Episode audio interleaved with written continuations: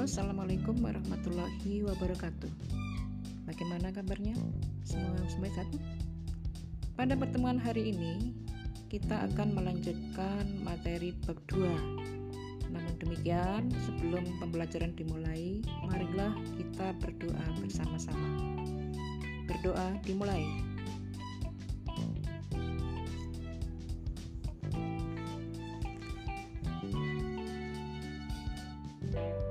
dapat diakhiri?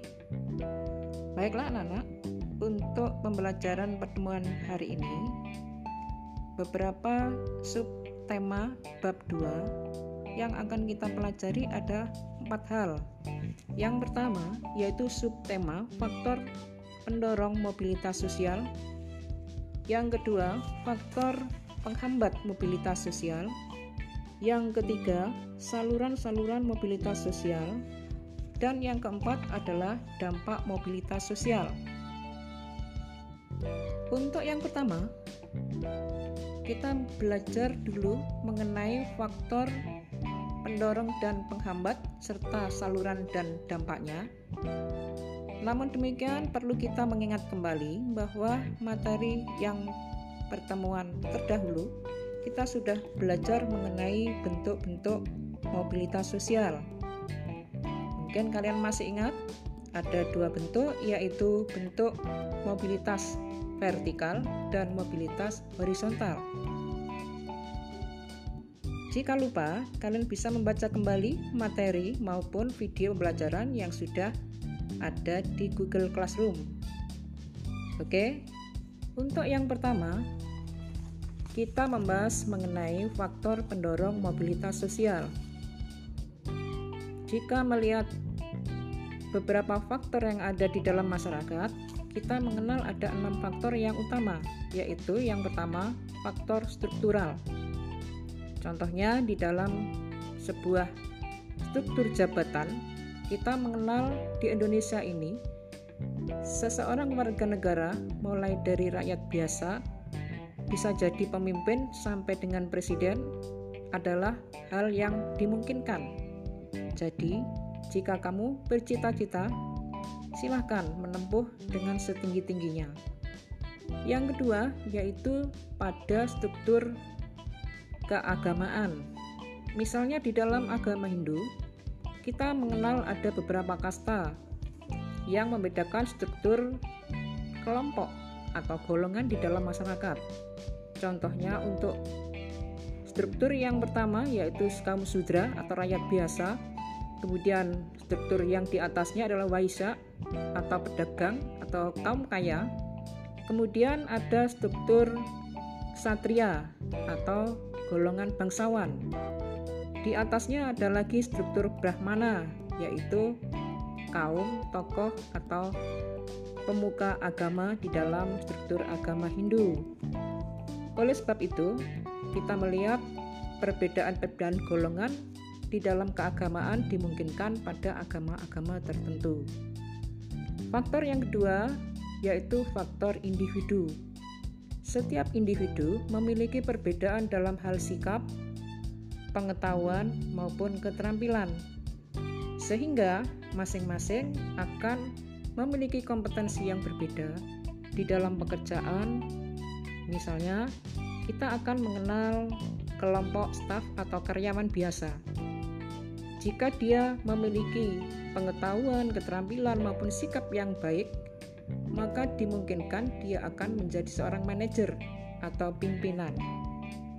Kemudian, faktor pendorong yang ketiga yaitu faktor sosial, faktor ekonomi, faktor politik. Yang keenam adalah faktor kedudukannya atau kemudahannya di dalam mengakses pendidikan.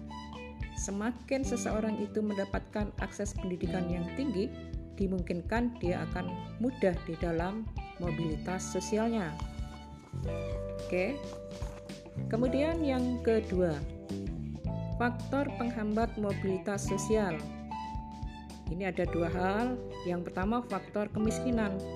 Di Indonesia, 12% masyarakat Indonesia masih miskin sehingga kesulitan di dalam mengakses mobilitas sosialnya. Yang kedua, adanya diskriminasi, yaitu pembedaan perlakuan pada setiap event-event tertentu, khususnya pada kelompok masyarakat itu dalam bentuk kelompok bangsa, suku, ras, agama, maupun golongan. Sehingga di dalam saluran pendidikannya mengakibatkan perbedaan hak yang diterima. Contohnya pada masyarakat Hindia Belanda atau sebutan bangsa Indonesia pada saat penjajahan Belanda memperoleh hak yang berbeda untuk memperoleh pendidikan. Yang boleh sekolah pada saat itu yaitu orang yang berkebangsaan Eropa atau ras Cina maupun Arab atau India. Sedangkan penduduk asli atau orang menyebut sebagai bangsa Hindia Belanda pada umumnya tidak diperbolehkan untuk mengikuti sekolah kecuali kaum bangsawan. Oke. Kemudian yang ketiga, kita sekarang membahas tema saluran-saluran mobilitas sosial. Ada empat saluran yang bisa digunakan. Yang pertama melalui jalur pendidikan. Semakin tinggi seseorang menempuh pendidikan, dimungkinkan akan memperoleh kemudahan di dalam mobilitas sosial. Yang kedua, melalui saluran organisasi politik, yaitu apabila menjadi anggota atau pengurus di dalam partai-partai politik, dimungkinkan mobilitasnya juga akan semakin tinggi. Berbagai partai politik yang ada di Indonesia, contohnya PDIP, Golkar, P3, PKS, dan sebagainya. Kemudian yang keempat yaitu faktor atau saluran melalui organisasi ekonomi, misalkan koperasi atau badan usaha. Dan yang keempat, organisasi profesi. Misalnya IDI, Ikatan Dokter Indonesia. Kemudian PGRI, Persatuan Guru Republik Indonesia.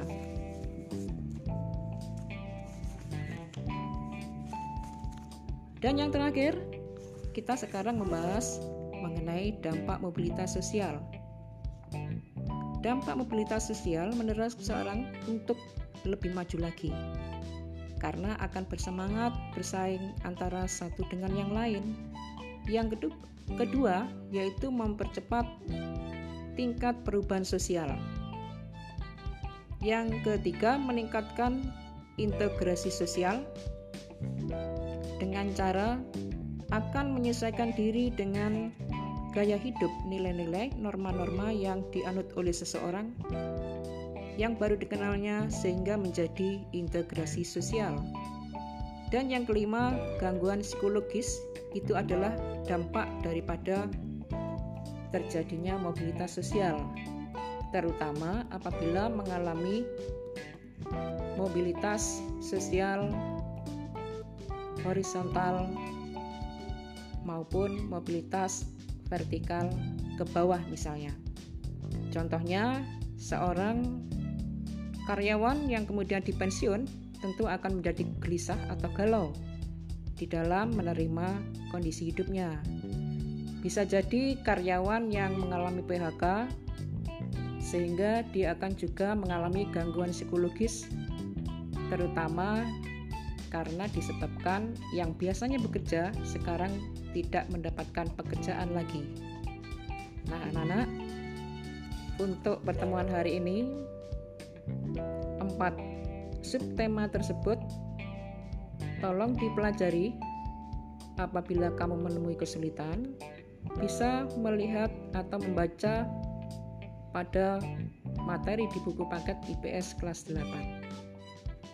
Dan jika kamu masih belum memahami, boleh bertanya pada Bu Guru. Oke? Untuk selanjutnya sekali lagi saya ingatkan setelah kamu mendengarkan tayangan podcast ini lanjutkan pembelajaran kalian pada Google Classroom untuk mengisi absen dan juga mengerjakan tugasnya. Oke, terima kasih sudah mengikuti pembelajaran hari ini, dan lanjutkan tetap semangat, tetap sehat. Mudah-mudahan kesuksesan menyertai kita bersama. Saya sekian, Assalamualaikum warahmatullahi wabarakatuh.